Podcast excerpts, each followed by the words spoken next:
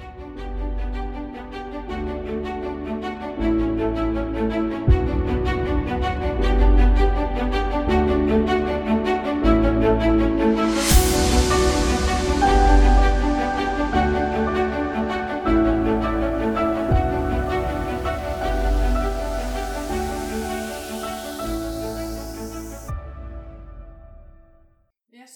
all erfaring jeg har møtt i Norge, tilsier at eh, familie handler utelukkende om kjærlighet. Og det er også viktig å, å ta med seg. En mamma kan være så mangt, men Guro fikk meg til å tenke på hvilke verdier som ligger under det å være mor og mamma.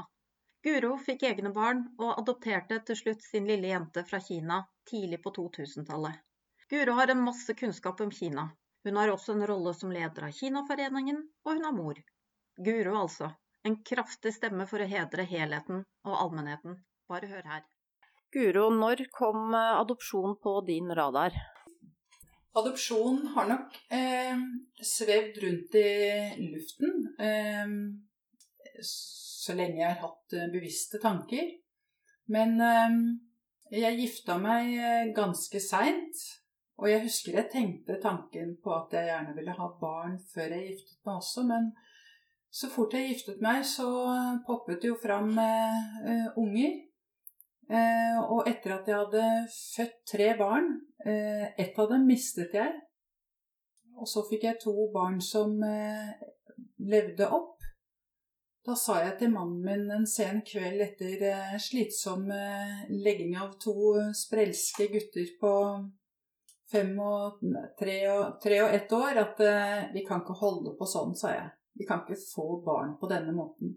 Det var fordi at jeg hadde hatt eh, vanskelige svangerskap.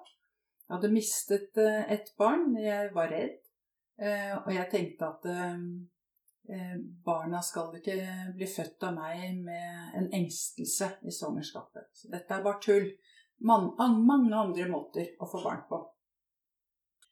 Så sa jeg vi kan ikke få barn på denne måten. Og så sa han nei, eh, hva gjør vi da? Så sa jeg kanskje vi skal adoptere? Og så sa han ja, kanskje det. Ja, da undersøker vi litt i morgen, da, ble vi enige om. Jeg tar barnevernet, sa jeg, og så kan du finne ut av disse organisasjonene som holder på med dette. Og sånn ble det.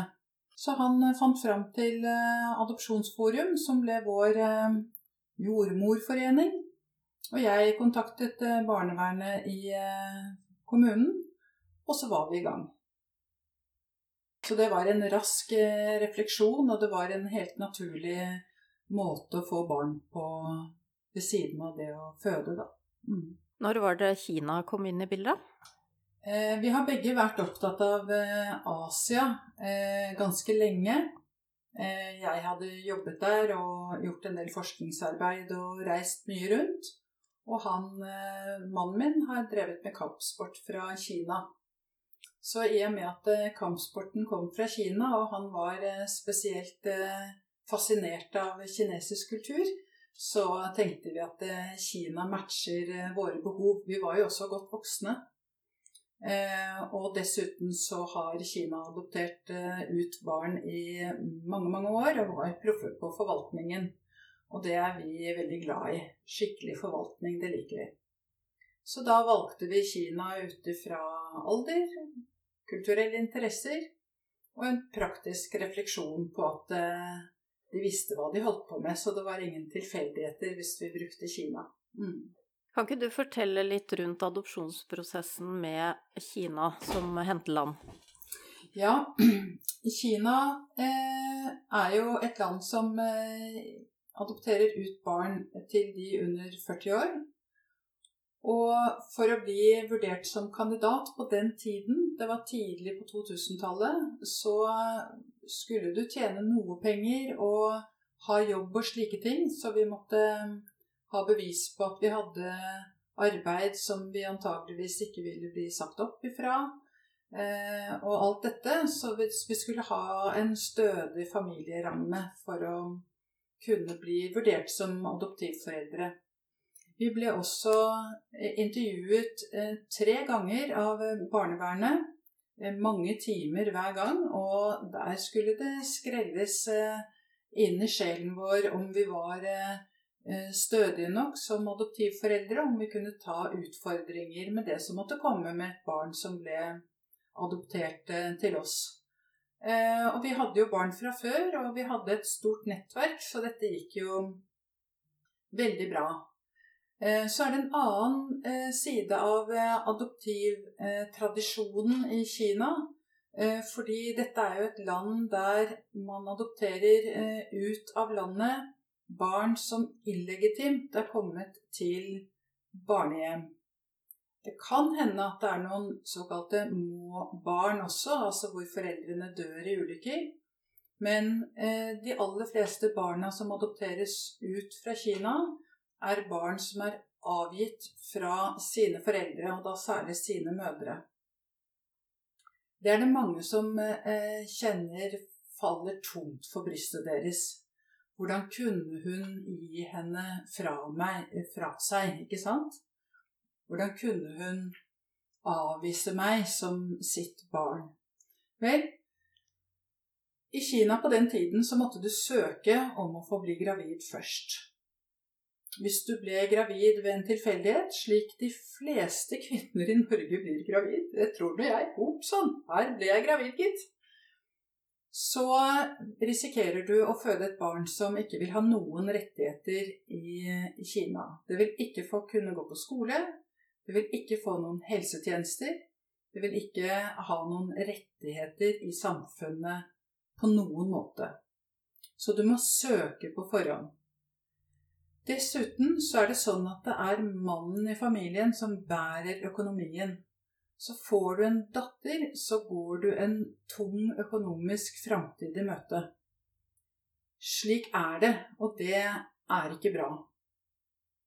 Men det betyr at de som velger å ikke ta abort Aborttallene i Kina er høye, men de som velger å føde barna sine, de har tre muligheter for å håndtere eh, barna sine etter at de er født. For det første, hvis du er fattig og trenger en gutt for å bære økonomien, så eh, kan du prøve, i hvert fall hvis du er fattig og utenfor det økonomiske systemet, å beholde denne gutten. Men alternativene da, det er at du tar livet av barnet, at det er en uregistrert fødsel, og at barnet når det er nyfødt, blir eh, drept. Et annet alternativ er at eh, de vokser opp og blir solgt som slaver på landsbygda, for der trenger de arbeidskraft. Nå snakker jeg ikke hvordan det er i dag, jeg snakker om hvordan det var for, år, for mange år siden. Og den tredje muligheten er eh, at man eh, vokser opp eh, i et kriminelt nettverk hvor man kan bli organdonor. Og så er det sånn at det ikke er lov til å gi fra seg barn til adopsjon. Sånn at hvis du gjør det, så risikerer den som blir tatt på fersken, å bli fengsla. Så dette er på en måte alternativene til de som føder et uh, uregistrert barn, eller føder et barn av feil kjønn, i Kina. Og de som da tør å ta sjansen på sin egen sikkerhet og gir fra seg dette barnet på en eller annen måte for at barnet skal få en sjanse i livet, det er de som eh, gir fra seg barna til adopsjon. Alternativene finnes ikke. De fantes ikke. Nå er det sånn at eh, den kinesiske økonomien er oppe og går, og det er eh, interne adopsjoner av eh, barn som trenger nye foreldre. Men jeg syns det er veldig, veldig viktig eh, å forstå at alternativene til de eh, barna som er adoptert fra Kina til Norge og til resten av verden, deres alternativer var rett og slett forferdelige. Og så tenker jeg at vi skal huske på at de mødrene som turte å risikere sin egen sikkerhet og få barnet inn gjennom et eller annet nettverk til en adopsjons eh, til et barnehjem som drev med internasjonal adopsjon, at de tok den sjansen. Det forteller meg at dette er tøffe kvinner. Dette er kvinner som er villige til å ofre mye for å sikre barnet sitt. Og dette er kvinner vi skal hedre, kanskje. Fordi de har eh, gjort det slik at disse barna har endt opp med i all hovedsak veldig, veldig gode liv. All ære til disse biologiske mødrene, og noen av fedrene kanskje, men særlig mødrene i Kina. De risikerte sin egen sikkerhet fordi alternativene ikke var til å leve med. Og da kom datteren vår til Norge og er en perle og en gave. Som både vi og hele verden skal være takknemlig for er i live. Så min takknemlighet går jo til disse biologiske mødrene som tok den sjansen. Jeg syns det er råtøft gjort. Og, og, vi skal ha de med oss i tankene i respekt, altså. I respekt. Mm. Kan du fortelle litt om reisen dere hadde til Kina? Ja, vi var syv familier som eh, dro i samlet flokk. Eh, mange av oss hadde barn fra før. Eh, noen hadde adoptivbarn, og andre hadde egenfødte barn. Og dette var jo familier fra hele Norge med veldig forskjellig type bakgrunn og forskjellig type liv, så vi møtte jo lille Norge i et nøtteskall da, eh, da vi dro av gårde. Eh, og vi var sammen i to uker og fikk eh, hvert vårt barn som eh, eh, ved første blikk også var syv veldig forskjellige barn. De var født i Kina, men dette var syv individer. Og de kom til syv veldig forskjellige familier i Norge. Og det at vi er så forskjellige og bærer vår individuelle historie, det er kanskje det som gjør at denne gruppa eh, i forståelse for det blir tett, tett knyttet til hverandre, da. Så barna våre har eh, møtt hverandre stort sett eh, hvert år. Og har en egen eh, gruppe på ja, disse ungdommelige sosiale mediene som heter hva heter det, Instagram og ja, noen sånne greier. Snapchat og hva det er for noe. Det er bare jeg som er på Facebook. um, og datteren min, som nå er 18, hun sa uh, for ikke så lenge siden, uh, for nå har det vært uh, korona og og vi har ikke møttes på en stund. At nå er det virkelig på tide at vi møtes, mamma, sa hun. Nå må vi sette i gang noe. Og det forteller meg at selv om de bor spredt i hele landet omtrent, og ikke har så mye daglig kontakt, så er det et nettverk der som gjør dem godt, da. Og det syns jeg er veldig, veldig fint. Kjempefint. Mm. Og så er det jo artig å treffe kjekke folk fra resten av landet, da, som vi aldri hadde møtt på annen måte enn på Gardermoen for eh, mange år siden. Opplevde du prosessen der borte som trygg og god? Ja, det gjorde jeg. Eh, og det jeg også la merke til, var at eh, hvis dokumentene ikke var ferdige når vi kom på kontoret, så var det aldri snakk om å vente til samme dag. Da slo overtidsklokken inn, og de jobba til de ble ferdig. De er jo veldig disiplinerte i Kina, da. Og så er det jo sånn at i alle disiplinerte forvaltningsland så skjer det glipper, ikke sant? Så ting kan skje, akkurat sånn som eh, i Norge så kan det være barn i gamle dager som ble forbyttet på fødestasjonen. Eller på, på fødeklinikken. Man vet jo aldri. Men jeg opplevde den forvaltningen som veldig trygg og etterprøvbar. Um, og det var en av grunnene til at jeg følte meg trygg på Kina som uh, giverland for, uh, for, mitt barn. Jeg ble aldri spurt om uh, en krone. Jeg ble aldri spurt om noe ekstra. dette var ryddige forhold, slik jeg opplevde det da. Hvordan var de første dagene der borte med datteren deres? Åh, hun klamret seg til mannen min og bare hun så meg, så begynte hun å skrike. og jeg tror at hvis jeg hadde vært en nybakt mor for første gang, så ville jeg blitt eh, mye mer lei meg. Jeg ville opplevd det som en forferdelig avvisning. Men jeg hadde jo to barn fra før. Eh, og jeg tenkte at eh, ja, det er hennes rett i å velge oss når det er tid for det. Så jeg lot henne skrike. Eh, mannen min bar henne rundt omkring overalt. Hun eh, omfavnet han med en gang. Eh, og, og, jeg ble da den som ordnet eh, bager og kofferter og vogner og sånne ting. Og så var det noen på det hotellet som så dette, at hun var så tett knytta til eh, mannen min. Han hadde litt gråstenke skjegg og for kineserne så gammel ut, da. Og da sa de at uh, hun har nok eh, vært eh, tett knytta til en slags bestefar.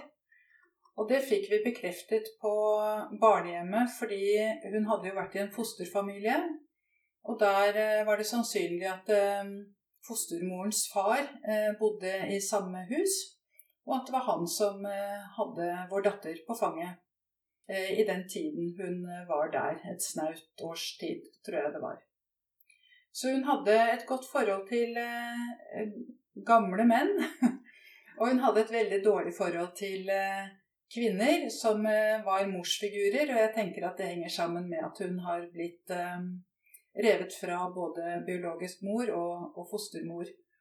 Og så kommer kvinne nummer tre, og da setter hun foten ned. Og det syns jeg var rett og rimelig egentlig. Men i og med at jeg ga henne den eh, retten til å avvise meg, så ble vi jo veldig gode venner ikke så lenge etterpå. Da ble vi godt tett sammen. Hvordan var tiden når dere kom hjem til Norge? Eh, den første morgenen etter at vi kom hjem, så var jo guttene våre der. Og de syntes jo dette var eh, veldig morsomt med en liten søster i familien. Da var eldstemann seks og yngstemann fire. Og de var vant til å bade i badekar sammen. Så da fylte vi opp eh, badekaret, og så hadde vi plutselig tre barn oppi der sammen. Og de ble kjent med hverandre der. Og det var veldig hyggelig. Og disse tre barna har jo vært eh, tett knytta til hverandre i tiden etterpå. Eh, nå er datteren vår 18, og eldstemann er 23. Og jeg må bare fortelle, altså. Vet du hva hun fikk i 18-årsgave fra sine brødre, eller? Mm. Hun fikk en interrail-billett sammen med dem. Så i sommer, etter at hun ble 18, så dro disse tre på interrail. Og det forteller meg at det at vi lente oss litt tilbake og ikke tvang dem på et fellesskap, men at de fant det selv, det fungerte, mm. altså. Mm veldig, veldig bra. Og eh, morshjertet mitt var jo rimelig blødmende gjennom sommeren. Men, eh, men, sånn har det gått, da. De eh, har fått lov til å gå hver sin vei, men det resultatet at de nå eh, anerkjenner hverandre og kan være sammen. Har kinesisk kultur og tradisjoner vært et tema i familien deres opp gjennom årene? Ik ikke veldig stor grad, men Eh, I og med at jeg ble leder av Kinaforeningen bare tre år etterpå. Da orket ikke det forrige styret Kinaforeningen å bale med disse juletrefestene mer, så, så jeg eh, tok over eh, sammen med noen andre og laget et nytt styre. Og da ble det nyttårsfester. Kinesiske nyttårsfester. Og så har vi hatt en del kontakt med den kinesiske forfatterinnen Xin Ran Su som er bosatt i London, og hun har jo skrevet mange bøker om det kinesiske samfunnet og årsaken til at eh, familier er nødt for å gi fra seg barn til adopsjon. Og det er jo hun som er kilden på hva vi vet eh, ville være alternativet til eh, barna som vi har adoptert fra Kina, da. Så vi har mye med henne å gjøre, og vi leser alle bøkene hennes. Og en i styret har jo da skrevet en bok som svar på Sin Rans bok som på norsk heter 'Kinas tapte døtre'.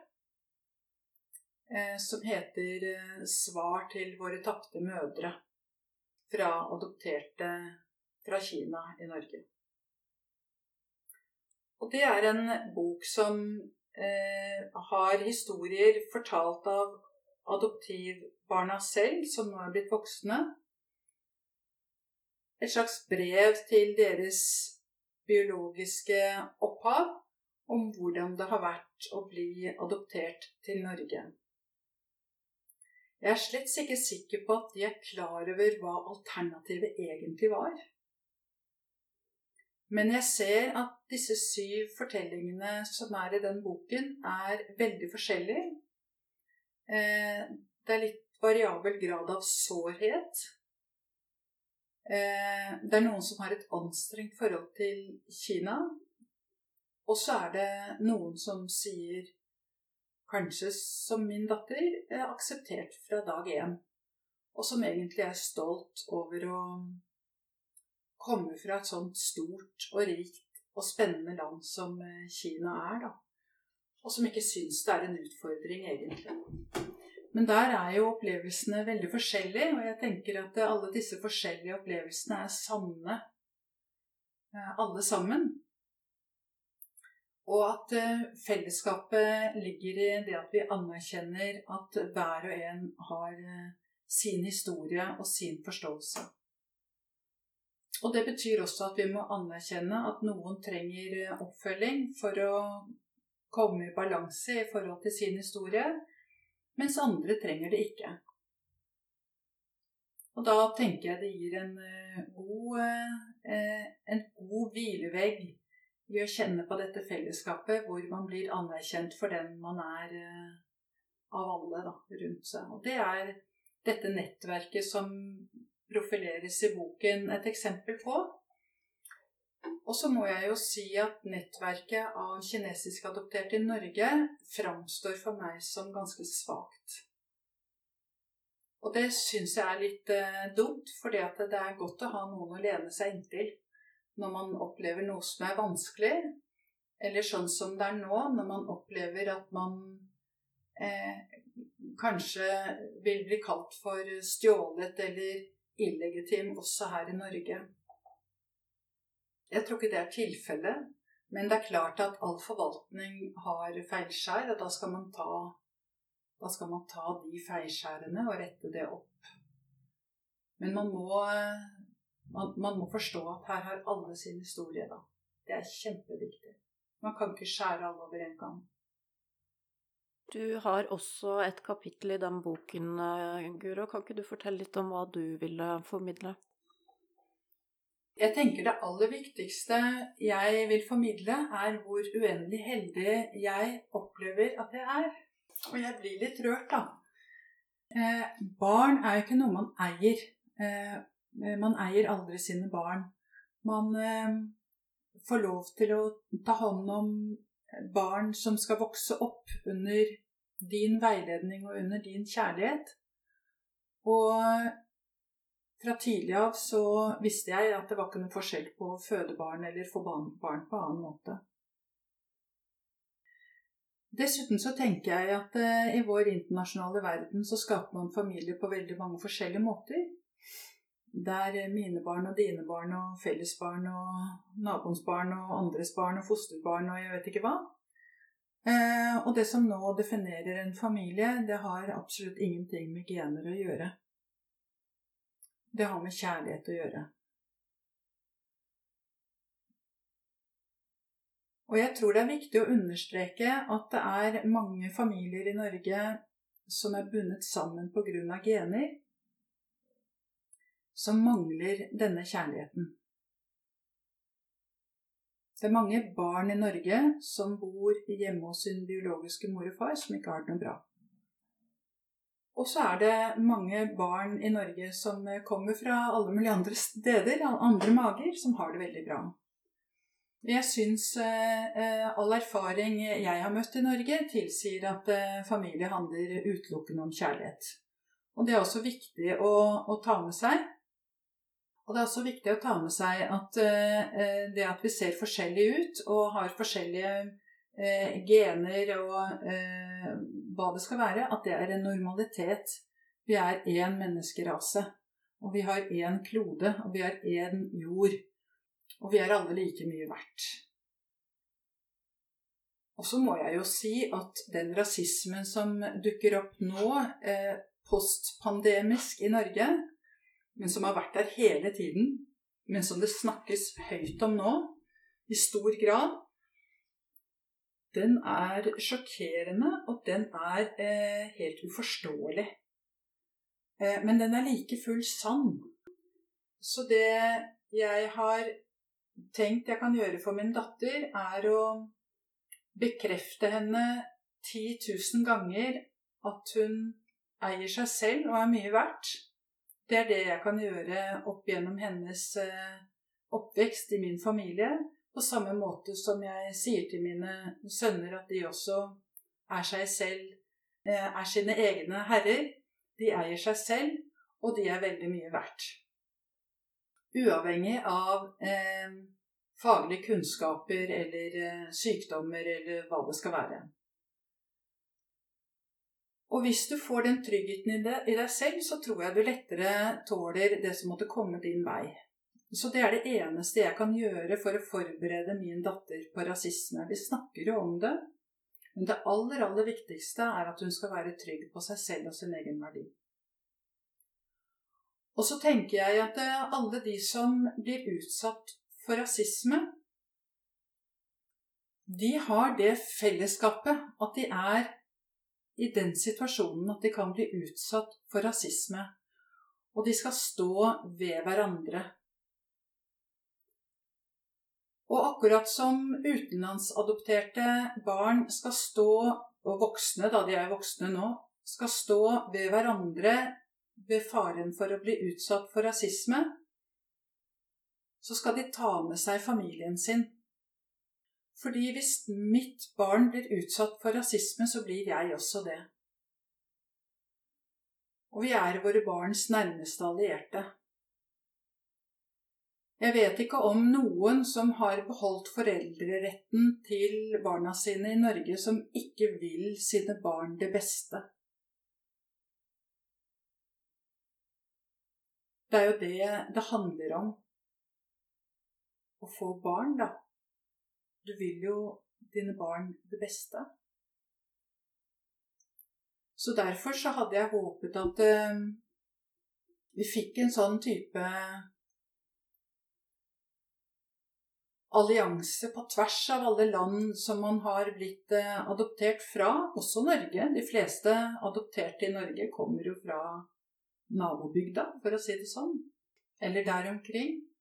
Men at vi heller skapte en allianse oss imellom fordi adopsjon handler om å gi barnet den beste muligheten som er der. Det er ikke alltid det er verdens beste mulighet. Men det er den beste muligheten. Og så må vi gå derfra, da, tenker jeg. Når du snakker om rasisme. Du var med å organisere en minnemarkering for eh, Johanne? Eh, Johanne sin familie lignet jo veldig på min familie. Hun hadde brødre, og hun ble adoptert fra Kina. Og de vokste opp som en eh, god familie eh, på alle mulige måter, hvor eh, Johanne delte soverom med broren sin. Og så skjer det noe med Philip som ingen helt eh, skjønner. Og så tar han livet av sin egen søster med begrunnelse i rase. Jeg tror at når den type rasehat og ekstremisme dukker opp, så er det noe vi har glemt å gjøre lenge før den kommer opp, da. Og det er det å ikke gi næring til synet på at vi er forskjellige. Så på denne minnemarkeringen for Johanne så snakket vi mye om eh, hverdagsrasismen og ja, det jeg kaller for tanterasismen. Det er mange fine tanter der ute, men disse små kommentarene om at ja, du er heldig du som kom hit, og ikke lever som et fattig barn et annet sted, og sånn. Ja, vi er alle heldige som bor i Norge. Men vi skal jo ikke takke våre foreldre for det. Men alle disse små kommentarene, disse blikkene Ja, du er flink å snakke norsk, og Ja, alt dette Alle disse tankene som, som er bygget på at eh, vi ikke er eh, At vi ikke er like. At vi er eh, At det er oss og dem. Det er de vi må gripe fatt i for å unngå at denne eh, hat ekstremismen og rasismen får grobunn. Og der tror jeg vi har sovet i timen i Norge. Og så vil jeg jo også si at eh, denne markeringen for Johanne ble en lang og ganske politisk prosess, fordi vi fikk eh, kommunestyret i Bærum kommune til å vedta enstemmig et forslag fra Kinaforeningen. Tenk deg det! Vi var ikke skuggredde, altså. Eh, de vedtok enstemmig at de skulle plante et tre eh, for Johanne. Og så laget Tobbe Malm en minneplakett for Johanne eh, ved dette treet.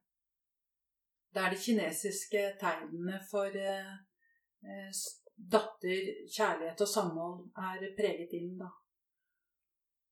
Og det er jo nettopp dette med samholdet som jeg tenker er eh, viktig for eh, alle oss som bor i Norge, og som bor på denne kloden. At vi er eh, barn av denne kloden alle sammen. Uansett eh, biologiske familierøtter. Um, og at vi må se hverandre og følge hverandre og være hverandres allierte på veien videre. Og det forplikter. For det forplikter meg. Eh, å si ifra hvis jeg ser ugrei atferd eller uh, ugreie kommentarer mot uh, noen av mine medmennesker. Jeg må rett og slett si ifra. Og det er jo det som har kommet opp som en slags medisin mot den rasismen vi har sett i media uh, de siste årene. At vi kan ikke bare snu ryggen til og si at det er deres greie. Og det tror jeg vi burde ha gjort for lenge siden, og som det virkelig er på tide at vi begynner å gjøre nå. Vi må rett og slett Eller jeg, i hvert fall. Jeg må begynne å bli litt sånn kjerring, da. Si ifra. Kan, kan ikke si det, skal jeg si neste gang jeg hører en sånn klein kommentar. Kan ikke holde på sånn. Og jeg tenker det er en oppskrift som vi kan bruke i forhold til all ugrei atferd. Eh, også på jobben. Eh, mobbing og trakassering. Vi kan ikke være det tause flertallet lenger. Vi må si ifra. Og alle undersøkelser viser at da blir det mindre mobbing og trakassering, og mindre grunnlag for hatkriminalitet, da. Så det er mitt, eh, min utfordring til alle de som hører på dette programmet, at de skal bli litt sånn eh, vanskelig på vegne av andre, faktisk. Si ifra. Det gagner deg sjøl, og det gagner eh, de som trakasserer, for de skjønner kanskje ikke hvor teite de er. Og så gagner det den som blir utsatt, ved å oppleve at de blir sett. Så jeg tror det er lurt, da. En annen politisk sak eh, om dagen er dette her med å granske adopsjon. Hvilke tanker er det du gjør rundt det, Guro? Der har jeg eh, to tanker. Eh, for det første så skal all forvaltning være etterprøvbar. Eh, uansett hva det handler om. Det er kjempeviktig. Men det jeg ikke liker med den tanken, er at eh, man tenker fordi eh, denne ene saken eller denne andre saken eller disse 20 sakene, så er det noen dokumenter som mangler. Eller så er det noe som er feil, eller så har man oppdaget at det har blitt gjort en feil. Det har jo skjedd i Kina, og, og de som eh, gjorde feilene, er blitt straffet for det. Men man kan ikke skjære alle over én kam. Og fordi det er blitt gjort én forvaltningsfeil, eller 50 forvaltningsfeil for den saks skyld, et eller annet sted, så kan man ikke legge til grunn at det er forvaltningsfeil overalt. Og jeg tenker at dette vil eh, være veldig skadelig for min datter hvis hun plutselig får kommentarer på eh, Ikke det at hun er født i Kina, men jaså, er du stjålet, du, da? Hæ? Jaså, eh, hvem var det som kjøpte deg, ja? Hæ? Hvis det er på mange måter belastninger som skal komme til henne nå, så vil det ikke gjøre henne noe godt i det hele tatt. Så det aller beste vil være om man kan gjerne se på systemene generelt og se at de er etterprøvbare. Men utover det så er det kun de som eh, virkelig trenger å få gransket sin sak, som kan gjøre det. Og så tenker jeg at eh, de som føler at det har skjedd noe urettmessig eh, i deres egen historie, de, deres historie blir på mange måter sterkere og viktigere hvis de samtidig anerkjenner at ikke alle opplever det på samme måte. Nå er det jo sånn at de som forteller om eh, et ganske godt liv, risikerer å bli trakassert og få negative tilbakemeldinger av de som ikke opplever å ha et godt liv eller har fått en, eh, et godt forhold til sin adopsjon. Jeg tror at de vil tjene veldig mye på å fortelle om sin historie og understreke at dette er deres historie. For da vil de få med seg alle de som har en annen historie også, på å støtte dem i å få undersøke mer om hva som lå til grunn for eh, deres adopsjon, da. Så jeg tror i denne saken så er det veldig, veldig viktig å se at alle historier er forskjellige, og anerkjenne nettopp det. Og jeg skal bli kjempeglad den dagen de som er kritisk til utenlandsk adopsjon nå fordi de føler at det er noe vanskelig med sitt eget liv eh, og sin egen situasjon,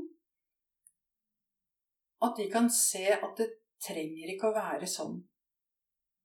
Da får de kjempegode allierte med seg i å finne ut av hva de trenger for å få et godt liv. Og det er jo det det koker det til. At vi skal få et så godt liv som mulig. Ikke sant? Så det er mitt mål. Her står vi alle veldig sammen, altså. Og jeg kunne ønske at vi gjorde det i, eh, disse kravene som handler om å granske historiene. Trenger ikke å granske alle adopsjonshistorier. Etterprøv forvaltningen og ta de historiene hvor man tror det kanskje har vært eh, en feil. Det er nok. Vi må snakke litt om Kinaforeningen også, Guro, for der har du vært leder eh, ganske lenge. Og med meg som leder så har jo medlemstallet bare gått eh, nedover.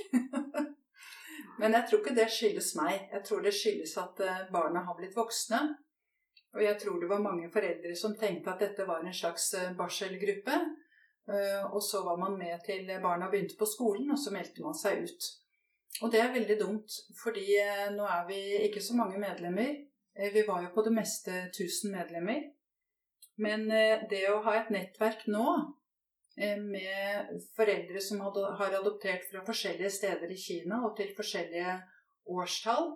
Men det å kunne komme sammen nå og se at det er likheter i tanker og refleksjoner hos de som er adoptert, det gagner dem veldig. Kanskje nettopp fordi at de oppdager at alles historie er verdifulle og forskjellige. Ikke sant? Det gir jo et kjempegodt grunnlag for å kunne reflektere over eget liv. Og vi har jo også internasjonale kontakter som gjør at man kan komme i kontakt med de man eh, ønsker i andre land. Og vi har en eh, åpen dør til eh, Sinranshus. som har skrevet masse bøker om Kina, og så kan kinesisk kultur ut og inn. Eh, så det er veldig mye å tjene på å være med i et sånt eh, nettverk når man har blitt eh, godt over 20 og eier sine egne tanker. Så det er min invitasjon til de som er adoptert fra Kina. Ta kontakt. Så skal jeg gjerne være med og la dem få sitt eget nettverk. Og våre kontakter som vi har pleiet gjennom hele denne tiden, da. Da tror jeg de skal eh, kunne ha det veldig fint på veien videre. Mm. Og bli stolte. Hva slags eh, aktiviteter har dere i klubben? Eh, tradisjonelt så har vi bare hatt eh, kinesiske nyttårsfester som eh, den årlige store samlingen og noen eh, sommertreff hvor vi kommer sammen og prater om, om løst og fast. Men vi har hatt noen større arrangementer med Sinransu til stede, hvor eh, man har kunnet ta med seg adoptivpapirene, og hvor hun har kunnet gå gjennom dokumentene for å se at de er riktig oversatt. Og det er ikke alltid. Noen ganger så viser det seg at det er åpenbart eh, produserte historier om eh, hvor de ble funnet og, og, slike ting. Og det tror jeg handler om at eh, man ønsker å beskytte de kvinnene som ga fra seg barna med fare for eh, sin egen sikkerhet. Så da får de litt mer eh, kompetanse på hva det var som gjorde at de ble adoptert eh, ut. Og jeg tror at det gir dem en trygghet i at det var det beste som kunne, kunne skje dem. Vi pleier å si til eh, barna og de voksne barna våre nå at de har eh, to mødre som eh, elsker dem. En som ga dem livet, og en som lever det med dem. Og det tror jeg egentlig oppsummerer den kompetansen Sin Ransu har delt med oss. da. Så den snakker vi mye om på disse treffene vi klarer å arrangere fra tid til annen. Mm. Og Synrad kommer antakeligvis i mars 2023 for å snakke med de voksne adopterte fra, fra, Kina som ønsker å treffe henne da. Men da må de være med i Kinaforeningen, altså. Så det er bare å melde seg inn. Planlegger du og familien en tilbakereise til Kina? Ja, vi har eh, veldig lyst til å dra til Kina fordi at det er jo et veldig spennende land å reise til. Det er et land med veldig eh, lang og dyp eh, kultur. Eh, og det kinesiske folket er eh, veldig hyggelig. Eh, vi har jo en god del ambivalens i forhold til kinesisk utenrikspolitikk. Eh, så man trenger ikke heie på det kinesiske kommunistpartiet for å være med i Kinaforeningen. Men eh, i den grad jeg har møtt eh, folk som er kinesere, så er de jevnt over veldig hyggelige, veldig seriøse og veldig kjekke folk. Så vi har lyst til å ta med ikke bare datteren vår, men hele familien. Og sparer til det. Ehm, og gjør det fortsatt. Vi må nok spare en eh, stund til, og så drar vi alle fem. Det er, eh, det er målet vårt, da. I mellomtiden så må vi kose oss med de kinesiske NGO-ene som er i Norge, og treffe kinesere som bor i Norge. Og deres barn, og det er også veldig hyggelig. Det er veldig greie folk, og jeg ser jo at eh, Ingrid og alle de kinesisk adopterte folkene jeg kjenner, de er veldig greie, det òg. Så. så det er hyggelig å treffes. Det er veldig hyggelig å treffes. Så, men dette med rasisme, det må vi gripe fatt i. Og de forteller jo også at de er utsatt eh, mer for rasisme nå enn det de var tidligere. Så her er det felles front, altså. Så eh, det vil jeg gjerne rope ut til alle som er utsatt for rasisme, at ta meg med. Jeg lover å, å si ifra. Og kanskje, som du sa i sted, at neste generasjon kommer på trappene og tar over. Mm. Ja. ja. I Kinaforeningen så håper jeg at det blir eh, de flinke Kina-adopterte som overtar eh, det arbeidet vi har gjort fram til nå, da. Det er målet. Så kan pensjonistene kose seg innimellom. eh, Guro, ville du anbefalt eh, noen å adoptere i dag? Ja, det ville jeg. Det er en flott måte å få barn på. Men jeg kunne kanskje ønske meg en annen måte å organisere adopsjonen på etter at man eh, fikk eh, barnet hit til Norge. Fordi idet vi kom til Norge, kom hjem med datteren vår, så ble det helt stille fra norske myndigheters side. Og det syns jeg var veldig rart. Jeg hadde ingen å kontakte i barnevernet. Jeg hadde ingen kontaktperson der i tilfelle jeg skulle oppleve at det var noen psykologiske utfordringer eller noe jeg skulle følge opp på en spesiell måte. Og det er jo de som er barnevernsfaglige, ikke sant? Jeg husker jeg ringte Adopsjonsforum noen ganger. Jeg hadde noen spørsmål, men de er jo proffe i å administrere adopsjoner. Og så har jeg fått vite at hvis man adopterer barn i Norge, så ligger det en automatisk oppfølging fra barnevernet eh, i ettertid opp til barnet er ja, 16 eller 18 år. Men hvis du adopterer barn fra utlandet, så avsluttes eh, barnevernet sitt arbeid når du eh, har landet på norsk jord. Og for meg er dette helt uforståelig. Det er klart at det å ha opplevd brudd tidlig i livet, det gir en belastning. Som kan være stor eller liten, men det gir en belastning.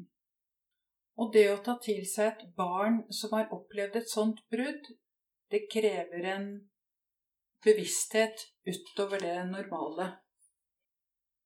Og jeg, jeg, jeg tenker at det, det, er ikke nok med et nettverk med folk som meg, hvis jeg hadde vært adoptert her i Norge.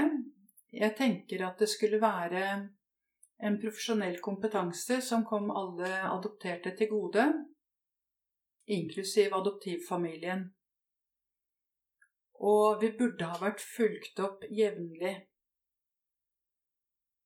av folk med god kompetanse på hva det innebærer å ha opplevd brudd tidlig i livet. Alle vet at det kan prege deg resten av livet. Så på akkurat det området så synes jeg det er eh, forunderlig svakt i norsk forvaltning at de ikke har klart å tenke disse tankene selv i forvaltningen. Og så er det jo sånn at eh, halvparten av de som eh, er blitt adoptert fra utlandet, eh, rapporterer at de har opplevd rasisme. Og det skulle jo rett, rett og slett ikke forekomme. Men det er jo logisk at de opplever rasisme, all den tid rasisme finnes i Norge. Så at man hadde en eh, spesiell bevissthet på også dette, og det å oppleve rasisme og samtidig bo i en hvit familie, det gir jo en ekstra ensomhetsfølelse. Dette er sånne faktorer som jeg tenker eh, man kan få hjelp til å forholde seg til eh, med råd fra folk med spesialkompetanse.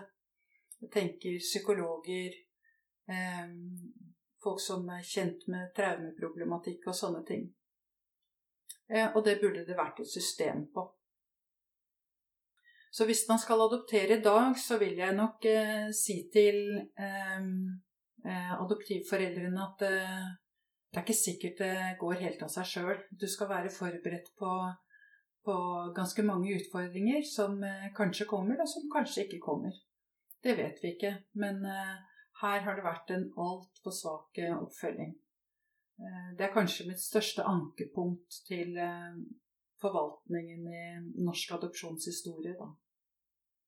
Og til og med det å ikke få eh, profesjonell bistand i ettertid eh, ser jo ut til å være nok for alle. Det er mange nasjonale adopsjoner hvor det har gått eh, ganske dårlig.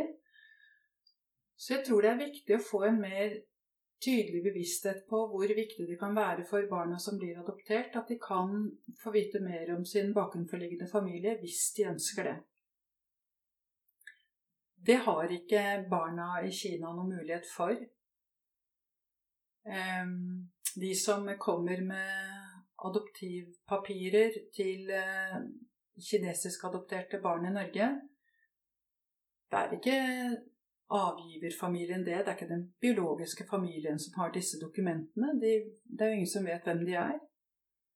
Så man skal være veldig forsiktig med å stole på de som har fått tak i denne type dokumenter, de kan like gjerne være stjålet. Og det er en belastning som våre barn fra Kina må bære.